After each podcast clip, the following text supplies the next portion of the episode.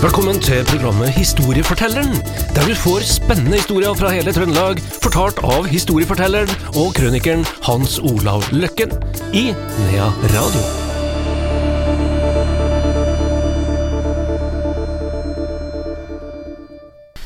Historiefortelleren tilbake her i Nea Radio. Hans Olav Løkken er også tilbake. Velkommen hit. Takk, takk. Vi skal i dag ta turen til Levanger, Hans Olav, og til en uh, spesiell uh, park. Ja, det er jo ja, det bare én park i Levanger, ikke? Ja, kanskje en. det er i hvert fall en stor en der Ja, midt i, da. Ja. Vi skal komme fram til parken om en liten stund, men må åpne med det her med utenlandske navn, som vi har en del av i, i hele Trøndelag. Og Det har sin årsak i Og det må gjøre fordi at den personen vi skal inn på, heter altså Sejersted. Ja. Og er en av de som har kommet utenfra. Og det var jo slik at, eh, at eh, Fredrik 3. og Kristian 5., da, eh, når de innførte enevelde og sånn, så fjerna de jo adelen, og så innsatte de lojale offiserer som sin adel. Vi har vel en borte i Russland som det, har drevet med det samme nå i siste. Altså at du, du Det er ganske smart hvis du skal beholde makta, å ha dine på laget. Eh, Men han hadde jo ikke penger, vet du. Verken eh, Fredrik eller eh, en Christian. De har jo ikke penger.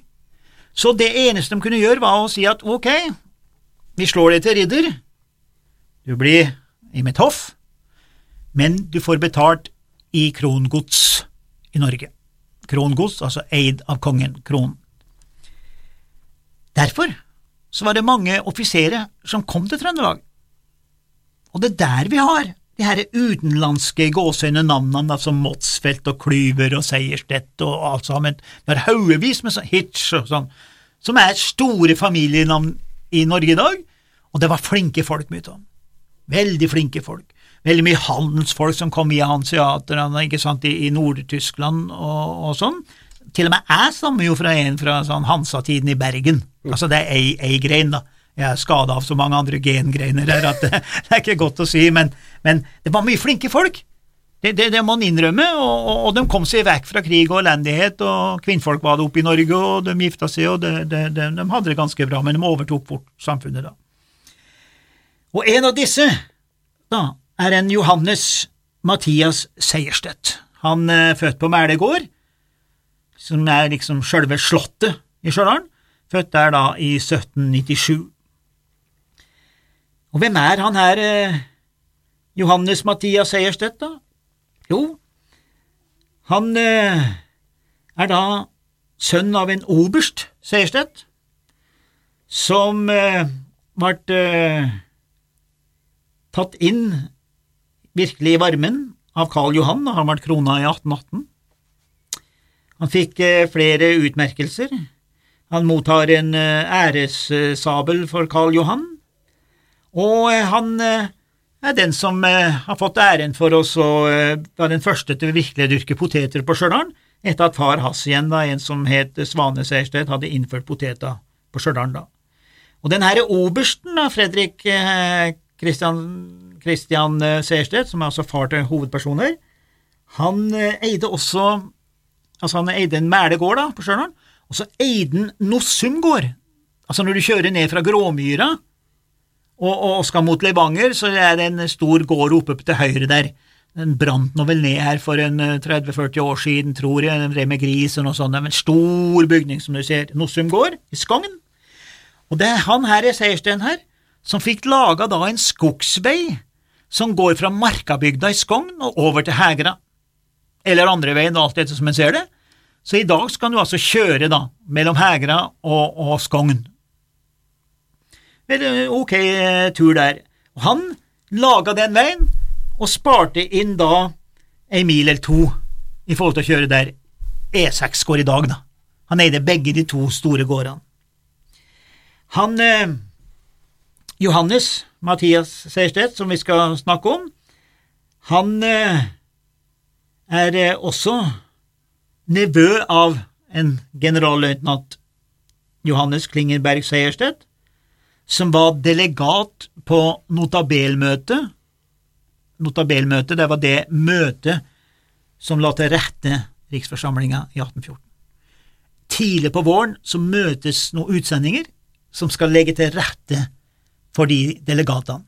Det er det samme vi har i dag. Når det er en konferanse eller de store politikerne i verden skal møtes, så er det allerede noen som har vært der noen dager og ordna til konferansen og, og, og møtelokalene og alt sånt. Og Det heter altså notabelmøte. da. Så han, fikk, og han ble stabssjef for Christian Fredrik, Norges første konge, som ble valgt eh, 17. mai 1814. da. Og han her, Johannes, han er jo bestefar til Fredrik Seierstedt, som døde i 1972, som var en flypioner, som vi som driver med luftfarten kjenner, og inner av Norges første flysertifikat.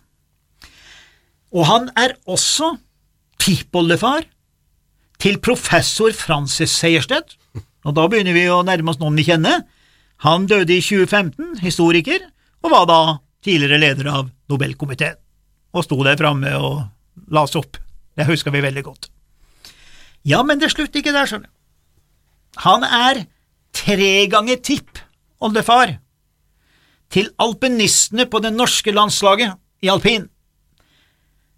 Søskenparet Lotte og Adrian Smistedt Seierstedt.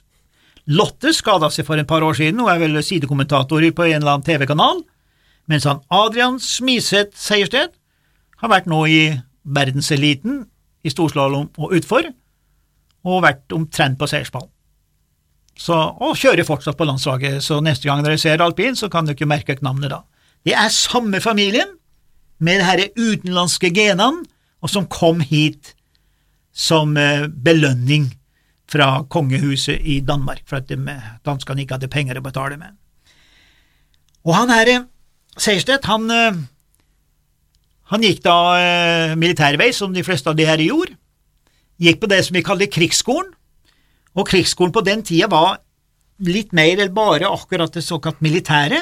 De fikk eh, ingeniørutdannelse, de fikk annen slags utdannelse, så han ble på mange måter ekspert på både det ene og det andre. Og han fikk jobb, han ble beordra til Skogn, på, noe, på der vi eh, Et eller annet våpengren opp på Skogn, da. Og eh, han fikk også i oppdrag da Levanger var satt under eh, nesten en katastrofe. Det var oversvømmelser, og de var redd for at hele byen skulle forsvinne. Og øh, han fikk i dag oppdrag å forhindre alt det her vannet å komme inn. Og øh, han øh, tok og laga sånne vannveier. Først så hadde de jo bare noe sånn kumme midt i byen og sånn, men han brukte da stammer, tømmer, høl og så la det som en kanal inn i Levanger. Det gjorde man oppe på Stjørdal. Gørrisen gjorde det sist på 1800-tallet der. Eh, Laga det fra, fra vann oppi, oppi Leksdal, eh, oppi Lånkebygda, og, og med, som rant da gjennom tømmer. Her, det holdt jo eh, noen tiår, og så råtna jo det opp, da, kanskje, men, men han, han, var en foregangsmann, og, og han fikk leda vannet og redda Levanger, som da han Asbjørn Eklo på Levanger, som jeg vet godt hvem er, han hadde jo skrevet veldig mye om det der, og, og gitt all ære til han herre Seierstedt som redda Levanger, da. Og så brenner også Levanger, vet du. Trebyen Levanger, det er jo det som er i skuddet nå, altså de kaller seg jo, jeg tror de kalles Trebyen, bruker det som en liksom ekstra sak. Står, står, det, står, det, på skilt, ja? Jeg mener at det står noe sånt, ja. ja. Men det har jo sine svakheter, det òg, med å være trebe, trebebygning og sånn, så den har jo brent i hvert fall tre ganger. Og eh, da han brant her eh, første gangen, da den store brannen der og sånn, så var det også han herre Seierstedt da, med sine kunnskaper som, eh, som fikk oppdrag også på en måte bygge opp igjen, lage en reguleringsplan etter den brannen som skjedde da den 18. april i, 1846. Så han lager en plan som blir godkjent faktisk av myndighetene ved kongelig resolusjon i mai, og de bygger opp da eh, Levanger på samme måte som sentrum i Oslo, og i hvert fall Kristiansand, er bygd opp, altså med det man da kaller for kvadraturer, like linjer, ikke sant? Så det er det i Levanger i dag. Og den brant jo også i 1877 og i 1897, og det var fortsatt planene til han her eh, Seierstedt, som berga byen og som sto bak alt sammen. Og han gifta seg inn i Eidsvolls familie, Heierdal på Stjørdal, og så videre og han flytt eh, senere, så eh, flytt han ned til Vang, da, eh, på Østlandet, og han eh, dør jo der nede, da. Men eh, han betydde enormt for Levanger, den herre Seiersten, og derfor så tok man da i 2002 og skulle hedre han herre Seierstedt, som var en betydningsfull person for byen, selvfølgelig, har vært. Så de tok og omdøpte Øvre Park, som er vel en del av parksystemet på Levanger, da, og døpte den til Seierstedts park, til hans ære, og det er jo ikke dårlig. Det var flott. Da sier vi takk til Seierstedt. Og takk også til deg, Hans Olav Løkken. Det var historiefortelleren eh, i dag. Vi har altså vært eh, i eh, Levanger.